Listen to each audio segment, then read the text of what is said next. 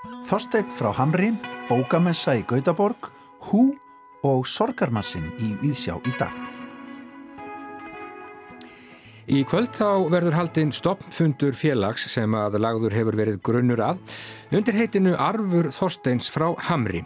Markmið félagsins er að sína arfleif þessa merkaskáls ræktarsemi en Þorstein andaðist hann 20. og 8. janúar árið 2018 sem og þeim menningararfi sem hann tók í fangsir. Félagið mun standa fyrir viðbörðum, engum á æskuslóðum Þorsteins í Borgafyrði en einnig í Reykjavík.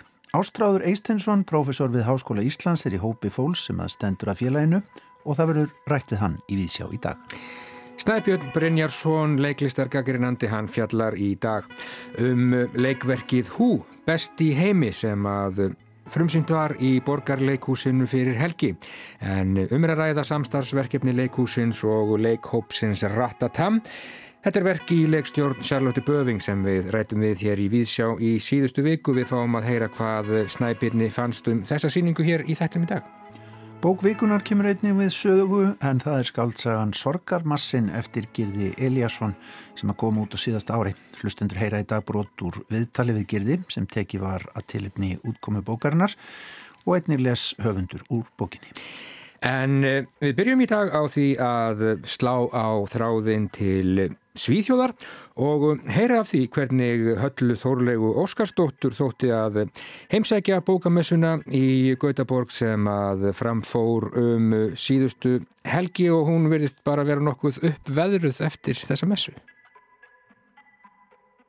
Hallak, þú ert bara eiginlega uppnuminn, heyr ég. Já, ég er alveg bara skjáfandi eftir þetta. Er svona, þetta er svo sjúkla inspirandi að sitja og hlusta á, á fólk tala á innlefum um, um bókmyndir og, og bækunar sínar. Þetta geggja að fá að hitta hjóndarna og hlusta á, þá og bara segja frá hvernig bækunar urðu til. Já, og þannig er auðvitað bara heil hersinga fólki sem að kemur hérna, bara víða að til þess að hitta höfunda.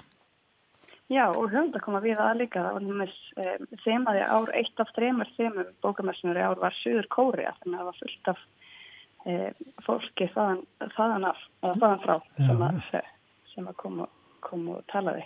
Máli með, með svona bókamessu, það er svo brjála sem ekki frambóð og þá getum, þá verður maður eiginlega bara að fylgja hjartan og, og svona leita af því sem að manni finnst persónulega mest júsi og ég, ég verði ég var ekki mikið á, á Suður Kórisku viðbörðun Nei. Nei, en ég fór reyndar að sá hana Han Kang sem kom nú til Íslands ekki alls fyrir lengum mm -hmm. sem skrifaði grammetisætina og hún var frábær, það var rosa inspirant að hlusta hana, hún var að segja frá nýja bókinu sinni sem heitir Kvítabókin og hérna og er var svolítið áhugavert, hún byrjaði að segja, segja frá því að hún hafi eiginlega ekki geta skilgröndana sjálf.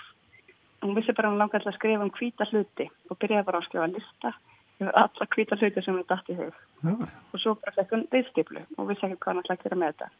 Og svo losnaði reyðstiplun á sapni það er lungsagur sem ég ætla að segja hér en, en þá áttu hann svo að hún, hún væri að skrifa, eða langaði að skrifa um sýstu sína sem að lést þegar hann var tvekja klukksunda kvömmur áður en hann kann fættist sjálf og hún á kannski þessari sýstu sinni lífsitt að þakka í raun. Eða þess að dauða sýstu sinnar á hún lífsitt að þakka vegna þess að annars hefði hún sjálf ekki fæðist en þetta er mjög svona átakanlegt að hlusta á lýsingarinn en líka mjög fallega lýsingar og, og ég er mjög spennt að lesa þessa bók. Mm -hmm. en reyndar sko dauði ungra, eða dauði barna var svolítið svona gegnum gangandi í nokkrum fyrirlæstum líka sem ég sá. Fór á annan fyrirlæstur sem heitir rítvöndar í sorg, þar sem tveir rítvöndar sem voru að gefa dækur um barsmessi töluðu mm. og um, annars vegar var það konar sem skrifaði bókum um um döða dóttur sinna sem var þá eins og hálfsárskumul ljast í söfni en þessi konar er sjálf barnalæknir og það var líka mjög átakanlegt að hlusta á og, og, og eins mannin sem, a, sem að var hana með henni og það mest dóttur sinna á slýsförum 33 ára gamla mm. um, og, og þau voru svona að, að tala um uh, hvernig maður skrifa sig úr sorginni en líka hvernig maður skrifar bara um, um erfið atbyrði og svona fólk sem að missi hvort maður er að skrifa það inn í heiminn eða hvort maður er að slíta sig frá þeim. Mm. og það var þess áhugaverta sem maður sagði, hann sagði sko ég held því sé djúft hamingjusamari núna, hamingju mín er dýbra heldur en áður en dóttur minn dó af því ég bara, ég skil hamingjuna betur. Annar reytöfundar sem var svona bókmyndatátunni sem ég var mjög spennt að sjá er um, Rachel Cusk ég, ég er búin að vera mjög spennt fyrir hennar skrifum undarfarið og, og ég vissi ekkert hún værið hann þetta var svona ánægileg óvænt ánæg en hún slóði gegn bara núna nýlega með þrýleiknum sínum Outline, Transit og Kudos. En þessi fyrirlæstur á bókmyndatátunni var uh, bara teitilinn Rachel Cusk það nýjar af, af románkonsten sem er þá eh, endur skapari skáldsagna vistarinnar. Mm. og það var mjög gaman að heyra hann að lýsa einmitt þessari fyrst bóksinni átlæn þar sem hún er einmitt að hugsa textan eða, eða persónasköpunum svona öfugt eða bara svona eins og negatífu eins og að hugsa um að vera að teikna manneski og það myndir horfa allt sem er kringum hana og þannig er þið manneskan til. Mm -hmm. og svo var líka áhugavert að bara tala með, með tungumáli, nótkunn tungumálsins í bókunum hennar. Og hún sem sagt ákvað í þessum bókum, þessum þríleik sem við slegið gegn e, að nota svona global English eins og hún segi, svona ennska eins og annartungumál og maður fattar að ég lesa bara eftir að bara ég hætti rosa aðgengilega texti mjög auðvert, svona auður e, lesi Já. og hún sagði sko sjálf að hún ætlaði aldrei aftur hún myndi aldrei aftur skrifa á öðru tungumál heldur en svona global ennsku hún, hún hefði bara áhuga á orðunum og svona hvað þau fýtti í raun að veru en ekki einhvern veginn svona af því að ef maður fyrir að nota flókinu orð þá svona hjúpa maður stjætt sína þetta er mjög, svona, svona mjög ræsandi og mjög áhugaverður höfundir mm -hmm. Heyri það, það það er svona gott að heyra höfundarna tala, er eitthvað þetta ser það einhver fleiri þemu í öllu þessu öllu þessum frumskói? E, á messunni? Já Já, það var mikið talað um svona sannsögur, autofiction, það, það er svona náttúrulega stórt bara á okkar tímum það var mjög mikið mikið rætt og svona þetta með sko eh, hversu langt maður ganga, hvenar, þarf maður að byggja um leiði, hvenar þarf maður að hlusta á leiðið eða svona ekki leiðið. Til dæmis að það var einn sem talaði um hún, hefði, hún var að skrifa um sagt, samband sitt og konu sinnar. Og hún var alltaf að byggja konu sinum að, að lesa yfir og, og hún svona ítti sér frá sér og sagði bara, ég tristi bara og þetta verður allt í lagi. En hún var alltaf stressað stressað og bara, herri, nú, nú verður ég bara að lesa þetta. Og svo var hún eitthvað starf út í bænum og, og svo farin SMS og bara, þú verð hringdið mig við þurfum að tala um bókina. Og hún bara, ringir ég hennar bara, hvernig líður og bara, ég brjáluð ok, hvað hérna, af hverju ertu brjáluð og þá kom bara þögn og, og svo hann bara þetta er nákvæmlega svona sem þetta er en ég held til meður að þetta sé bara hans er gott sér þannig að hún svona sá, hún gati einhvern veginn séð bara að hún þyrti að fá að skrifa um þetta og að hennar upplifun var sönn og hún hefði bara lefið til að segja sína upplifun. Samt um svona persónlega hluti sem er eiginlega á, kannski á grensunni út þegar farið. Já. Já, í rauninni og bara svona ofinböruna og, og, og það kannski líka tengist þess að skrifa sig úr sorg. Þú ert að horfast í augu við sjálfa þú ert að, að bara díla við stóra luti í gegnum skrifin og það var það sem mjög, mjög margir tulluð um bara hvernig það hjálpar. Og svo var annar norskur ítöndu sem, sem var að tala um þetta með sko að byggja um leifi eða fá leifi og hvað er satt og hvað er skálskapur og hún var sérst að gefa út sögu sem byggir á hennar fjölskyldu. En sýstirinnar hefur áður gefið út í rauninni hennar eða sitt sjónarhald og, hérna, og þetta allir miklu uppþótti í Noregi þetta er hennar þetta er eh, konu sem heitir Vítis Hjort e, þegar hennar bók kom svo út þá var svona rosa drama í fjölskeitinu og svona þetta var, þeirra upplifin bara stemd ekki en, en það þýðir ekki að, að eins í sönn og hinn ekki, þetta er bara hvað það tekur inn í. Um, annað sem að hérna ég verða aðeins að bá minnst á er hérna konur, hérna fóru nokkru fyrirlastum um, um, um svona sjónur og hvenna og um, og mér langar til að byrja saman tvo að það var annars vegar svona rampaði eiginlega óvast inn á fyrirlastu sem er falsamt mjög spennandi og, og endaði að vera bara eina ein af þeim skemmtilegur og það voru eh, hann bara titilinn miðaldra konur í dag nýtt frelsi. Og, og það voru svona fjóra töntur á söðinu sem að, sem að voru að spjalla um nýja bók sem það voru að gefa út sem heitir við þurfum að tala um 50 plus og það var svo hressand að hlusta, þær tala um bara hvað, hvaða þýðir að eldast sem kona þú einhvern veginn ert ekki lengur um, kynvera kannski eða, eða þú ert náttúrulega kynvera áfram en, en þú ert ekki lesin sem kynvera, þú ert ekki lesin sem heita þetta. Og þú einhvern veginn stendur eftir svolítið bara og þarf að skapa þig sjálf.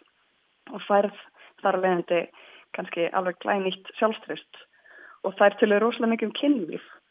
Og það var líka gert í öðrum fyrirlestri sem, að, sem var svona tvær ungarkonur um, sátu fyrir sögurum og mér fannst svo ótrúlega áhugaverðina eftir að higgja hvað var mikið talað um kynlíf í þessum fyrirlesturum og meiri segja sko spirillin hjá yngri konanum tveimur stoppaði, nei, sagði á einu stað að hún hefði sjálf stoppað lesturinn til að stutta sjálfsfróðun og ég svona veldi fyrir mér bara hvað hva hefði gert ef kallmar hefði setið hann og sagt þetta. Það hefði bara ekki gengið upp. Nei, ég, ég hef lappað út sko. Það hefði bara mjög óþægilegt en einhvern veginn, þú veist, svo svona afhjúpaðist það svona þegar áleiða fyrirlestina þetta er bara svona áleiðing þess að að konur eru bara einhvern veginn að, að, að taka sér plás og, og búa til orð og segja orð sem að hafa ekki einhvern veginn mátt, fengið að hljóma. Til dæmis sagði þessi breska yngri konan um, sagði til dæmis að orðin moist hefði verið valið ógeðfældasta orð ennskra tungu ef ekki manni breytlandi bara fyrir stuttu. Já, rakt. Já, já rakt. Og, og þá fann ég að hugsa bara svona hugreiningatengsl e, í kyn upplifum hvenna einhvern veginn alltaf tengt við eitthvað ógeðfælt og vond og slæmt.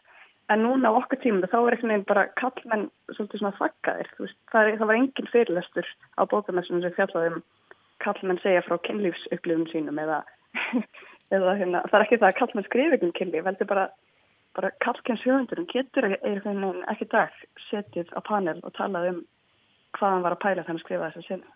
Nei, Nei mitt. Þú ert á því að hérna, þetta hafi verið vel hefnust messa í Gautaborg þó að ringt hafi á þig allan tíman, var það ekki? Jú, ég var bara inni að... Þú varst bara inni að hlusta, já, já. Ringingin fór messa. Þetta var frábær messa. Ég er rosalega ánægt og, og bara uppdrifin eins og þú sagðir í bæði.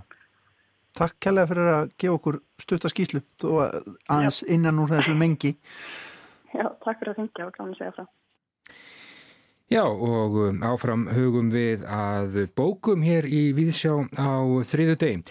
Bókvikunar á rásetta þessu sinni er Sorgarmarsin, þriðabókin í þríleik Girðis Eliassonar um Listamenn sem hafa einangrað sig frá mannlegu samfélagi til að helga sig listsköpun sinni og endur nýja tengslinn við náttúruna. Í fyrirbókunum Sandárbókinni sem kom út árið 2007 og Söðurglugganum frá árinu 2012 voru aðalpersonurnar listmálari og rítufundur en í sorgarmarsinum sem kom út í fyrra þá var komið að tónlistinni. Kvötinn til að semja tónlist hefur rakið auglýsingatekstasmiðin Jónas í sjálfskeipaða einangrun í sumarbústað á Östfjörðum. Jónas kallar sig tónsmið frá því hann mann eftir sér hafa laglínur komið til hans Hann fyllir hverja minniskompuna og fætur annari en líkur við fátt í tónsmíðum sínum, týnir reyndar einni bókinni og telur ólíklegt að verk sín ef verk skildi kalla verði nokkuð tíman leikin nema óbyrt tónverk verði flutt í eilíðinni eins og hann veldir fyrir sér í bókinni. En þegar að Sorgamassin kom út í fyrra, þá rættum við hér í Víðsjá við Girði, heimsóttum ansöðu með sjó og spurðum hvort hann kannadist við sig í tónsmiðnum.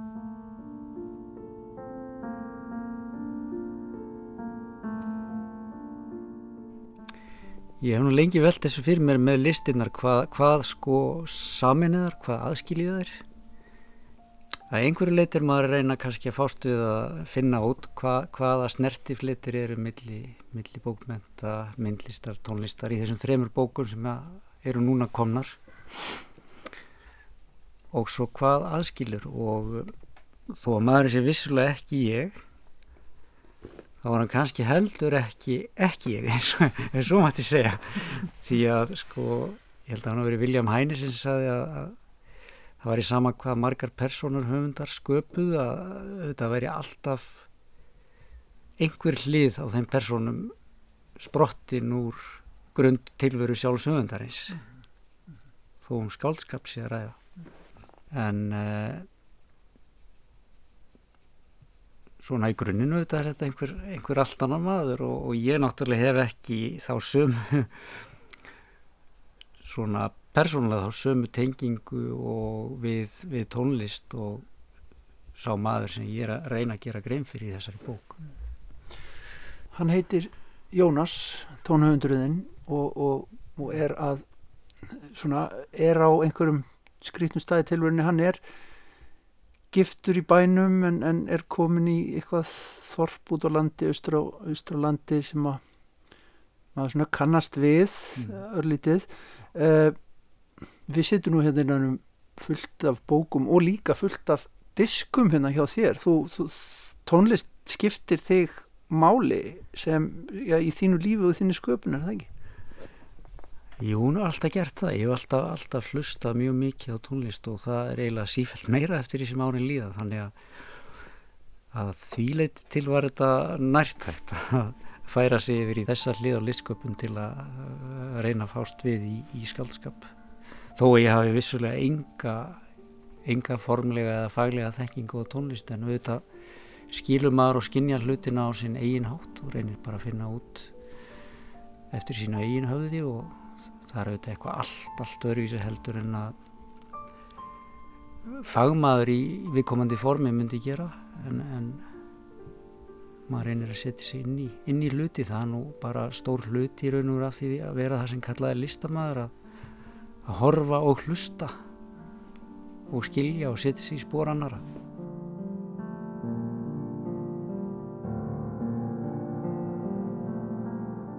Ég hef alltaf verið sko hugfangin á æfisugum listamanna, hef lesið mjög mikið af þeim og þá æfisugur myndlistamanna, réttöfunda og tónlistarmanna og slíkt.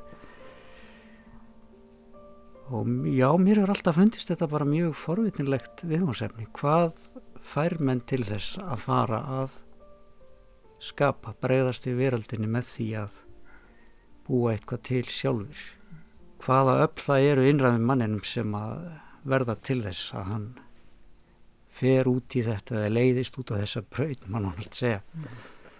því að þetta er ekki að auðveldast sem ég gera og eins og kannski kemur nú fram í bókinu, þetta er ekki heldur það sem að skila mönnum áfram í veröldinni endilega en samt gera þetta. Mm mér finnst það bara einhvern veginn áhugaverða öll svo stúdíu og öll, allir þeir sálfræðilegu þættir sem koma við sögu í því að mynda þetta þetta fyrirbæri þessar manniski sem kölluði listamæður ég held að fara engin inn í listir sem er í andlegu jafnbæði, þetta tengist eitthvað því að það vantar eitthvað að þú ert að reyna að leita einhverju sem að veitir lífsfyllingu eða, eða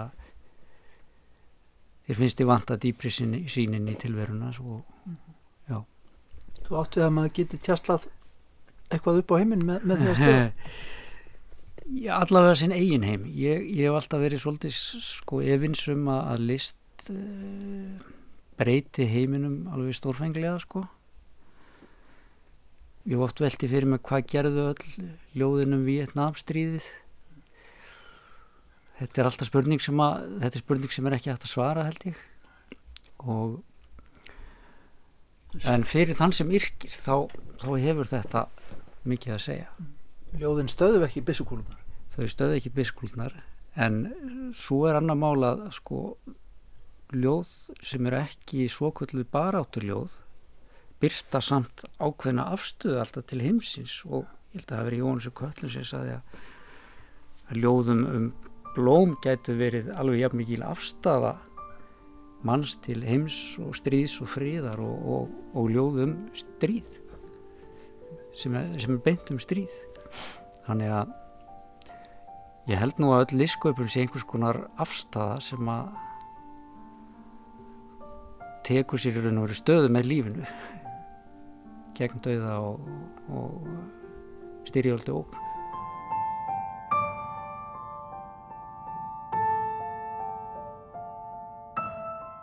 Þorpið stendur á tónga.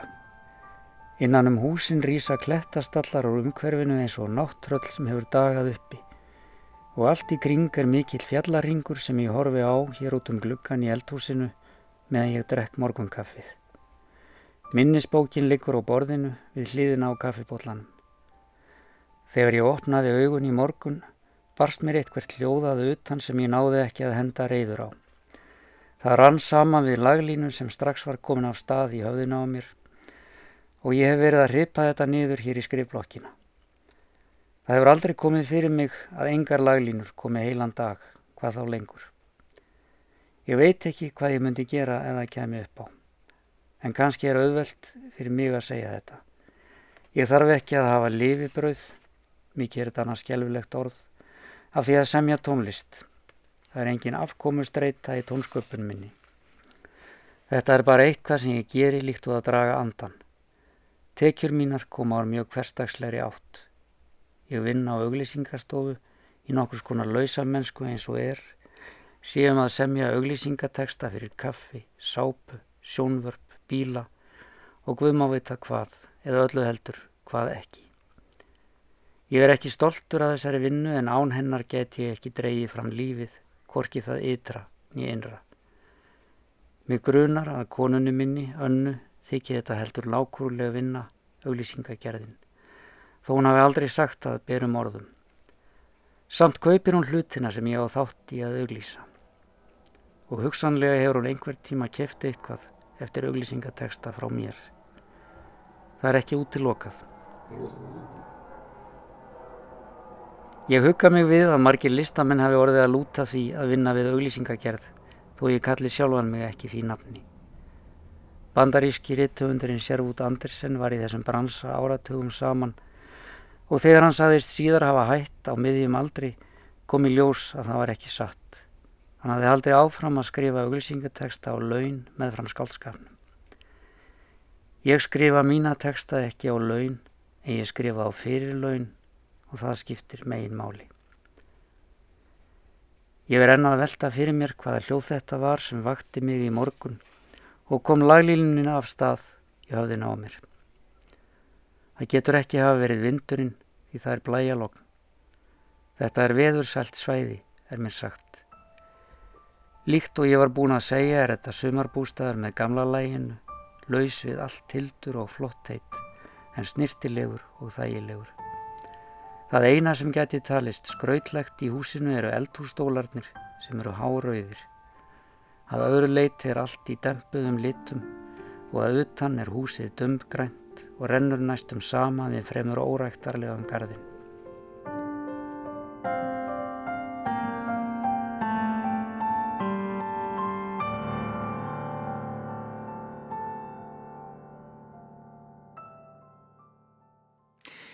Já, Gerðir Eliasson las hér úr Sorgarmarsinum sem er bók vikunar að þessu sinni hér á Rás 1. Auður Aðarsteinsdóttir, hún ætlar að taka á móti góðum gestum á sunnudags morgun til að ræða um uh, þessa bókgestir hennar verða þau. Sverrir Norrland, Rittufundur og Marjana Klara Lútersdóttir, bókmyndafræðingur. En uh, það eru fréttir úr óperu heiminum Guðni. Já, einn merkasta sópransöngkona 20. aldar, hinn bandariska Jessie Norman er látin 74 ára aldrei. Jessie Norman átti stórmerkinlegan feril.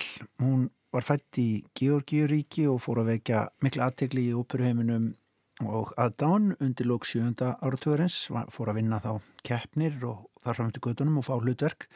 Hún er engum þekkt fyrir síðromantísk hlutverk, til dæmis frábæri í Wagner-óperum og eins fyrirtagstúlkandi á verkum Ríkard Strauss og eitthvað sem nefnt.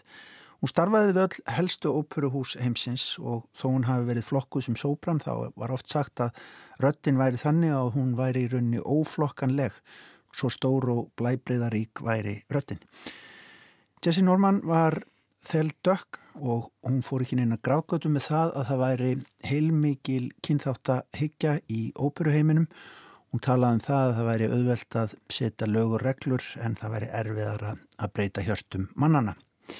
Hún söng við fjölmörg hátilega tækifæri, nær þar að nefna tvær innsetningar aðtapnins bandarískra fórseta Afmæli Elisabethar drotningar og þjóðháttíð Frakka þegar að þeir held upp á 200 ára afmæli byltingarinnar 1989. Hún var auðvitað hlaðin velunum og alveg hægt að velja margt til flutningsauðvitað hér fyrir ykkur hlustundu góðir en af fræri plötu sem hún gaf út á samt Gevandhásljónsutinni í Leipzig og stjórnandanum Kurt Masur þar sem hún söng fjóra síðustu söng var Ríkard Strauss, ótrúlega og ógleimanlega verður maður að segja Það var líka að finna lítið fallet lag um morgundaginn sem að strássandi við ljóð Johns Henrys Mackay. Það segir meðal annars á morgun mun sólinn skína og ný við saminumst og göngum niður í flæðamálið hægt í þögn. Við horfumst í augu án orða og þögnin hellist yfir okkur. Já, þetta verður ekki mikið fallin en þetta, við skulum heyra Jesse Norman syngja morgun eftir Ríkard Strauss.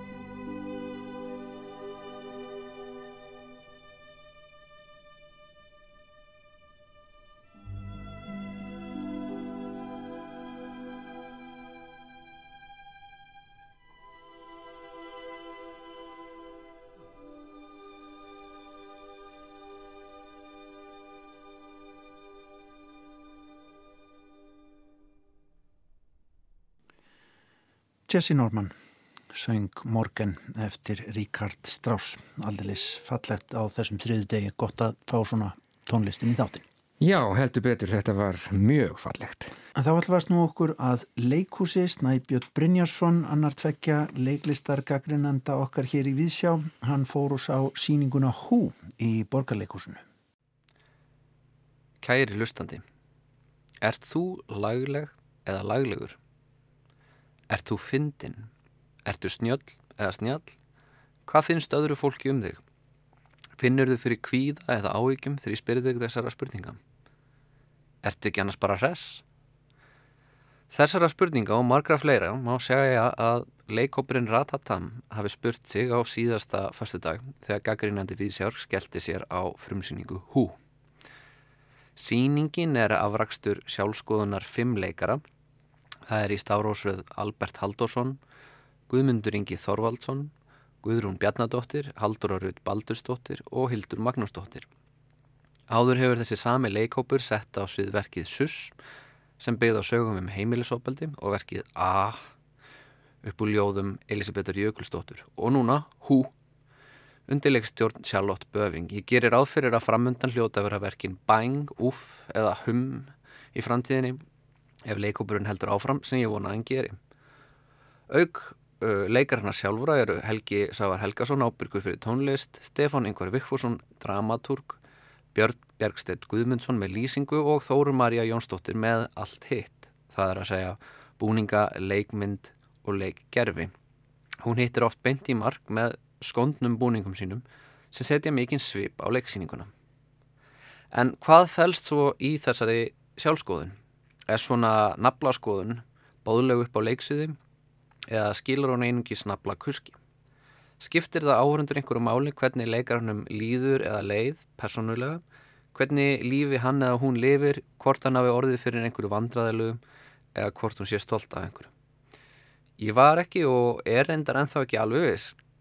Að mörguleiti er hú nánast eins og uppistand fimm mismunandi leikara sem hver og einn hafa mismunandi veikleika og styrkleika á köplum mismunandi stíl og frásagnar aðferðir en þetta er líka söngleikur því það er mikið af tónlistaratriðum sem geta verið tja, skondin, lástend og kraftmikil. Það var sér í lagi sólóatriði Alberts Haldurssonar þar sem hann leik einn á gítar og má segja hafi sungið sérlega gott. Það var fyndið og vel unnið. En það eru mörg atrið í síningunum sem mætti segja það samum. Til dæmis er skýrnarveislan sem Haldur Árud lýsir í eintali sínu eftirminnileg. Hún er með kröftu að nervuru og útgeislun og fangar aðtegli áhrifanda alltaf þegar hún lýsir einhverju. Sömuleiðis eru sögur Guðmundar Inga um rolluna og sapbílin, tvær mismöndi sögur svo það sé á hreinu, mér enn minnistæðar nokkrum dögum eftir síninguna og það ná að vera bæði sorglegar og skondnar í senn. Guðmundur Ingi var áberandi reynslumestur þó svo enginn hinn að leikarana væri beinleins veikur lekkur í keðjunum og mér held að það sé óhatt að segja að hann hafi búrið höfuð og herðar yfir aðra á þessu sviði þó. Freka samt en að sykt út leikar eða leikonur til að rósa eða gaggrina uh, væri kannski næra beina augunum að leikstjórninni, Charlotte Böving. Sýningin er devæst, samsett verk sem er vantala unnið í spuna af leikoknum í held enda er hans gráðu sem höfundu verksins. Eh, það er sennilega engin leikstjóru á landinu með meiri reynslu á slíkum uppsetningum en Charlotte og hún hefur staðið sig ótrúlega vel í að ná upp úr leikandum, góðum efnuð og góður framistuðum. En var þessi samsetning gallalös? Nei, ekki alveg. Flæðið á síningunni var nokkuð gott og þó atriðin væri ólík í eðlið sínum þá gengur skiptin milliðra á allt vel.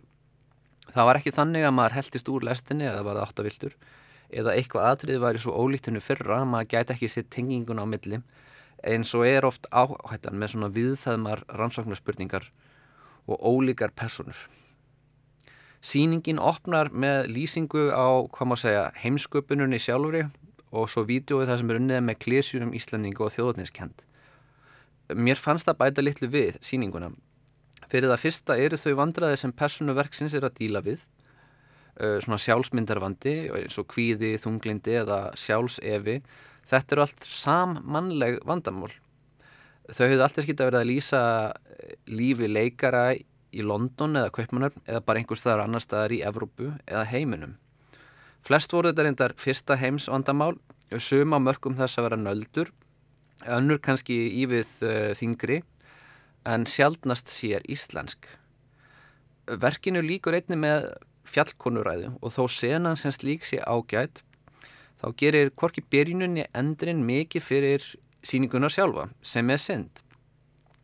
Það er lítið rætt um þjóðverðni í síningunum, sem þráttur hún heiti Hú og mér leið eins og þetta væri haft með af einhverju skildurækni við sjálfa umsókninni í Sviðslitarsjóð frekar en að það hefði eitthvað lístrand vægi í verkinu og nú tek ég náttúrulega fram að ég hef ekki séð umsóknina í Sviðslitarsjóð ég bara sé markaðsefnið sem uh, kynir verkið sem einhvers konar skoðun á sjálfsmynd Íslandinga og veldur spurningum hvað það er að vera Íslandingur frekar en manneskja þannig að en mér langar að taka smá út úr dúr uh, úr gaggrinni fyrst núna standa yfir hinn árlegu skil sjálfstæða leikópa með umsóknir sínar í þennan sviðslistasjóð. Það búið að vera mikið að verku sem kanna íslenska sjálfsmynd, þjóðurnisikju og fordóma. Flest þessara verka, nota benni ekki öll, en flest þeirra hafa verið yfirborskend, klísjukend og með grunar að sumir leita þessar slóðir ekki endilega vrönnulum áhuga á efniviðinum, heldur út af því hvernig styrkumsóknir spyrja listamenn oft út í samfélagslegt gildi verka. Spurningin sjálf er náttúrulega fáráleg. List hefur samfélagslegt gildi sem þarnast ekki eru aukstuðnings, aðteglisveri verkefni og spennandi hugmyndir. Þeim vantar bara fjármagn til að verða veruleika, ekki einhvers konar samfélagslegar réttlætingar. Ég get náttúrulega ekki vita hvaðan hugmyndina hú, sprettur, titillin, vikingakakk Víkingaklappið gefur auðvitað til kynna hér sé markmiðið að skoða sjálfsmynd Íslendinga og spurja hvað það er að vera Íslendingur. En það er eins og áður segir ekki alveg rétt lýsing á verkinum sem betur fer. En svo mörga mínum uppáðsverkum spyrði þessi síning sig einfaldra spurningar. Hvað er það að vera manneskja og kannski í leiðinni? Er ég, erum við, nógu góðar manneskjur? Að lókum er gott að taka fram að ég skemmti mér vel á síningunum. Hún tæklar alvarlega málefni en oftar en ekki með húmor að leiðaljósi. Það er auðvöld að hlæja og hafa samúð með leikurunum og ykt um sviðs personuleikaðara meðan verki stendur yfir. Ég síður en svo vissum hvort ég trúi þeim eða trúi öllu sem þau sögðu mér en það eru þetta ekki það sem að sækist eftir þegar maður fer í leikhús. Trúi mig bara þegar ég segi að þið munu trúa öllum sögum á sviðinu meðan frásögninni stendur yfir og þið munu enþá vera að velta sömum þeirra fyrir ykkur á leiðinni heim.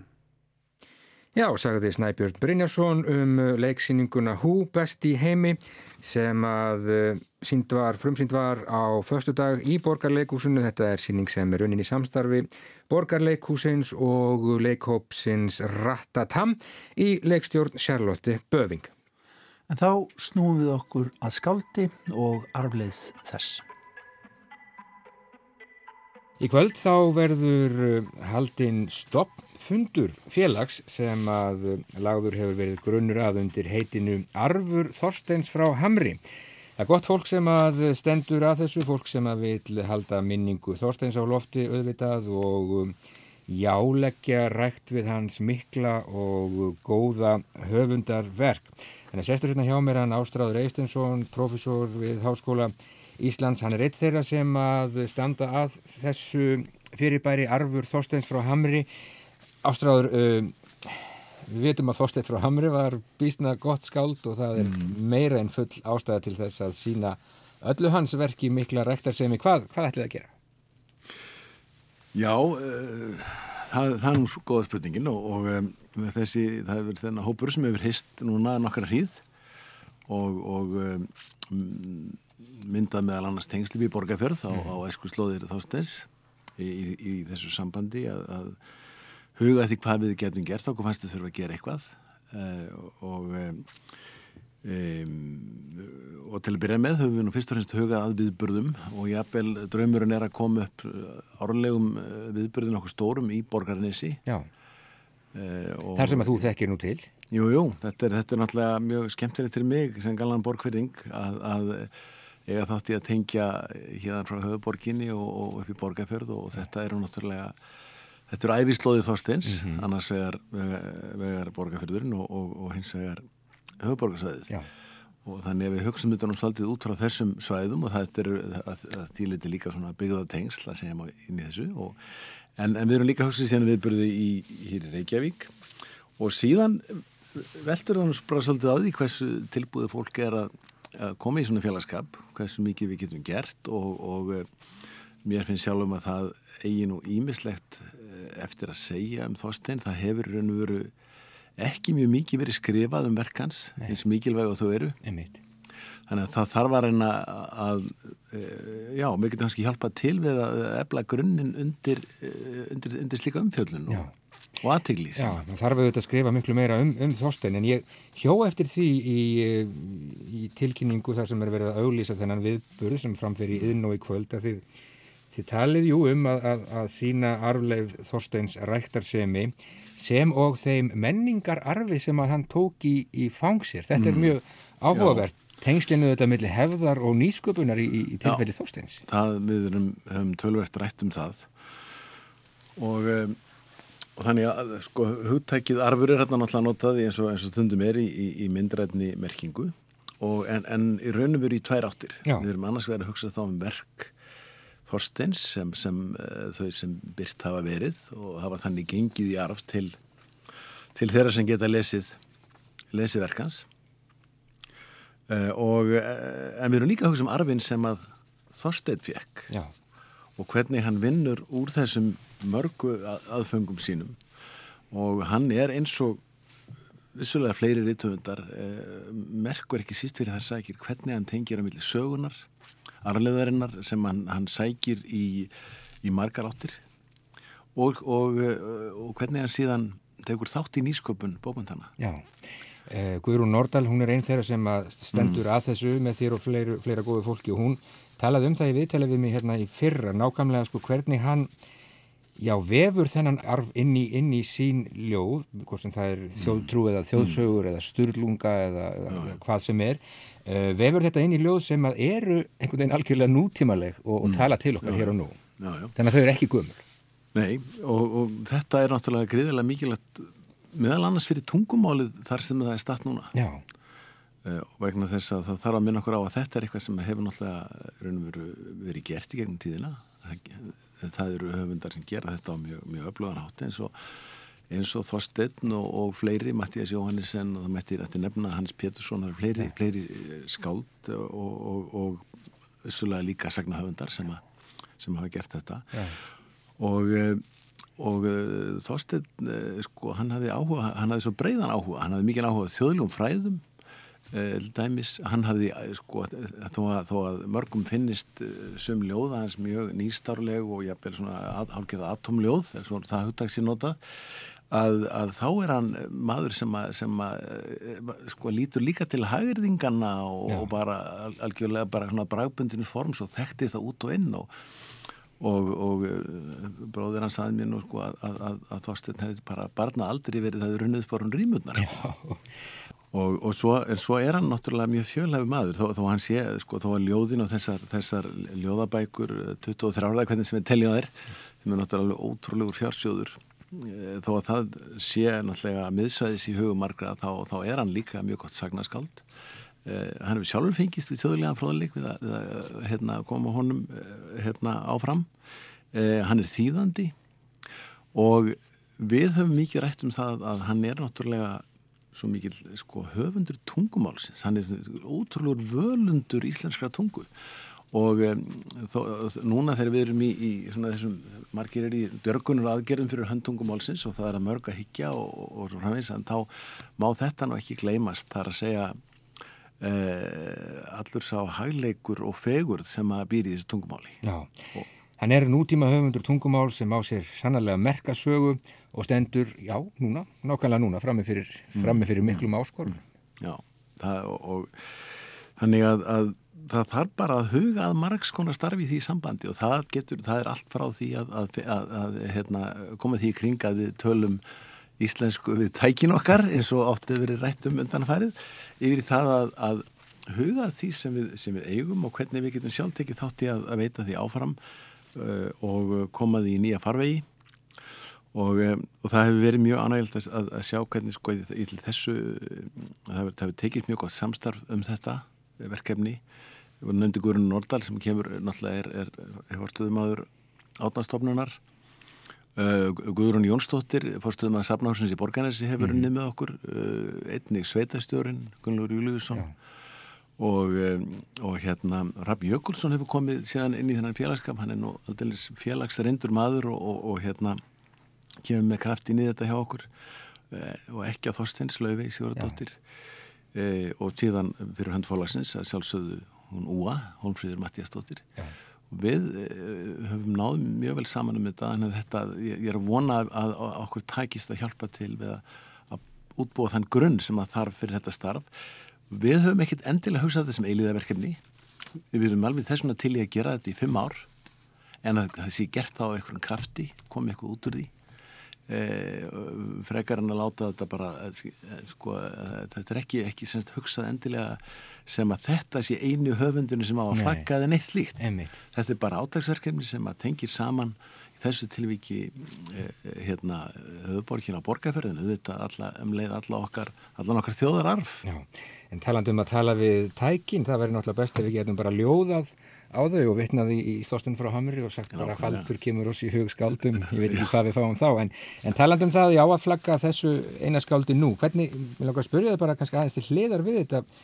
Hversu vel stöndum við okkur í því að já, emitt, halda halda á lofti nöfnum skálda sem sannarlega hafa skipt okkur miklu mm. máli og þá ekki síst ef við horfum bara til ljóðlistarsögu okkar Íslandinga mm. frá, segjum bara 1950 það er mm-hmm. úr og grúur af, af, af merkum ljóðskaldum Við eigum nefnilega, við eigum geysilega merkilega nútíma löðlist og, og hún er ekki alltaf í sviðsljósinu því að það er gætnan á, á skaldsögum og, og, og gleipa sögum og svo veins og allt gott um það en, en, en hérna en það mætti, mætti huga betur að því hvað hérna, þarna, ég held hreinlega bara þarna sé hygglust að það nota heimsmæli hverðan við, við eigum mörg Já. góð löðskald frá, frá síðustu öld og fram, fram til okkar tíma.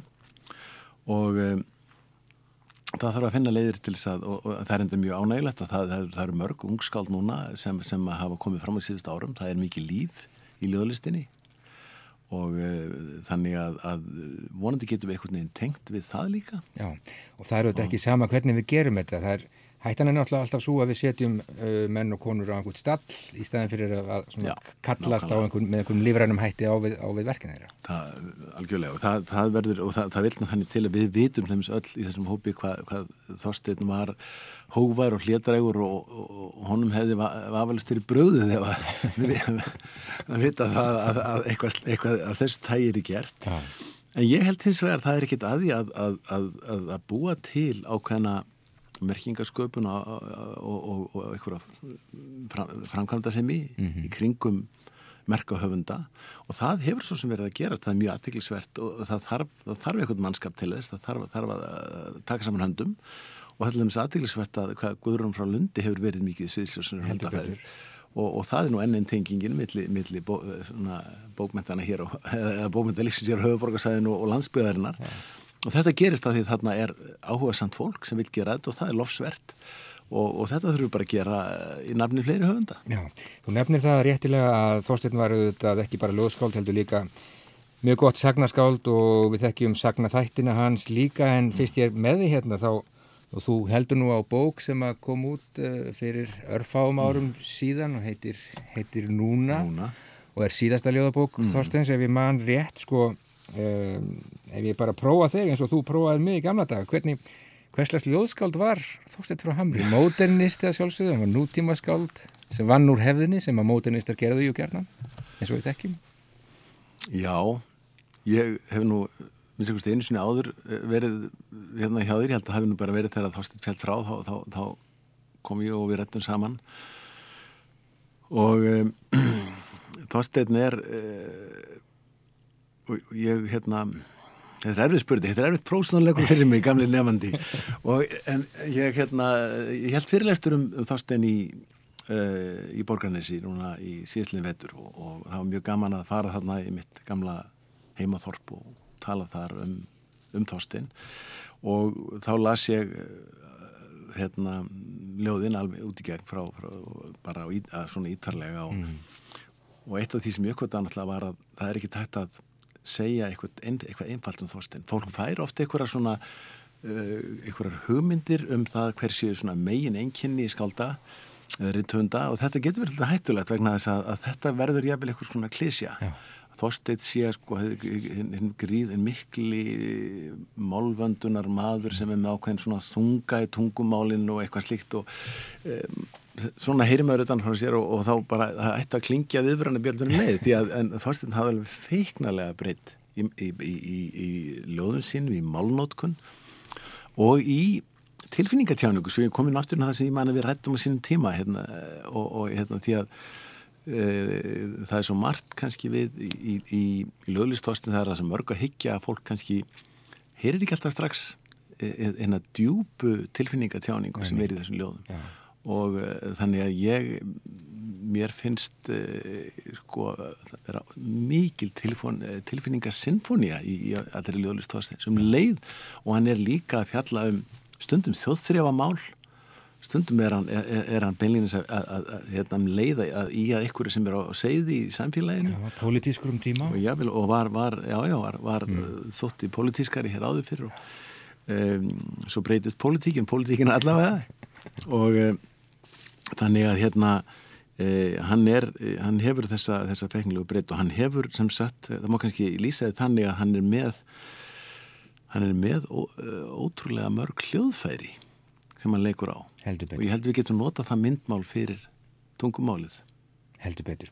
Sannarlega tilfinningar á ríkt skáld Þorstein frá Hamri. Og þetta eru gleði fréttir að arfur Þorsteins frá Hamri. Það er já, stoppfundur í Yðnó í kvöld húsið opnar held ég bara klukkan hálf átta mm. og svo hefst þessi fundur með formlegum hætti klukkan 8, klukkan 20 stundvislega og já, þið ætlaði að standa fyrir viðburðum bæði í heimasveit uh, Þorsteins í borgarfyrði og sömuleiðis hér í Reykjavík markmiðið að sína arfleif þessa merkaskálds ræktar semi og það er fullkominn ástæða til mm. þess Ástráður Eistinsson, ég segi bara Takk fyrir komuna og þið kannski bara látu okkur vita svona hvað verður framöndan hjá okkur þannig að við getum fylgst með og, og dansa við ykkur hérna á, í Ríkisúttarfinu. Gott að heyra, við, við höfum samband. Já, takk fyrir komuna, takk. takk.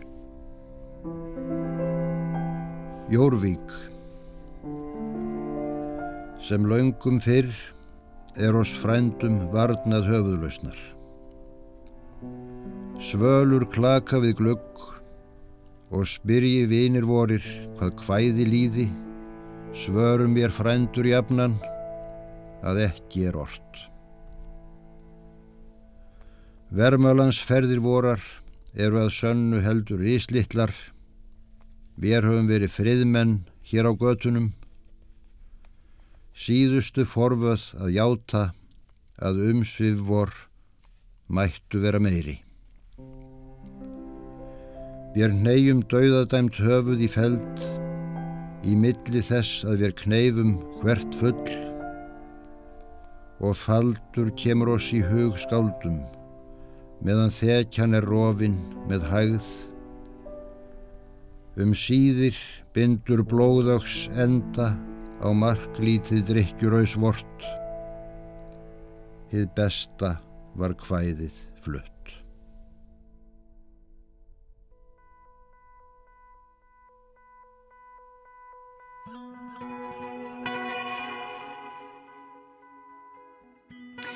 Já, litlu við þetta að bæta þóstuð frá Hamri las ljóðsitt Jórvík úr samnemndri bók frá árinu 1967. Nýtt félag Arfur Þorsteins frá Hamri stopnaði í Yðinó í kvöld þar sem arfleið þessa merkaskálds verður sínd ræktar semi sem á þeim menningararfi sem að hann tók í fangsér. Í Yðinó í kvöld þá verða meðal annars lesin ljóðskáldin Dagur Hjartarsson, Fríða Ísberg, Hrafn Jökulsson og Vigdís Grímsdóttir koma fram af þessu tilöfni. Mjög gott framtak en svona ljúku við við sjá í dag. Verðið sæl. Verðið sæl.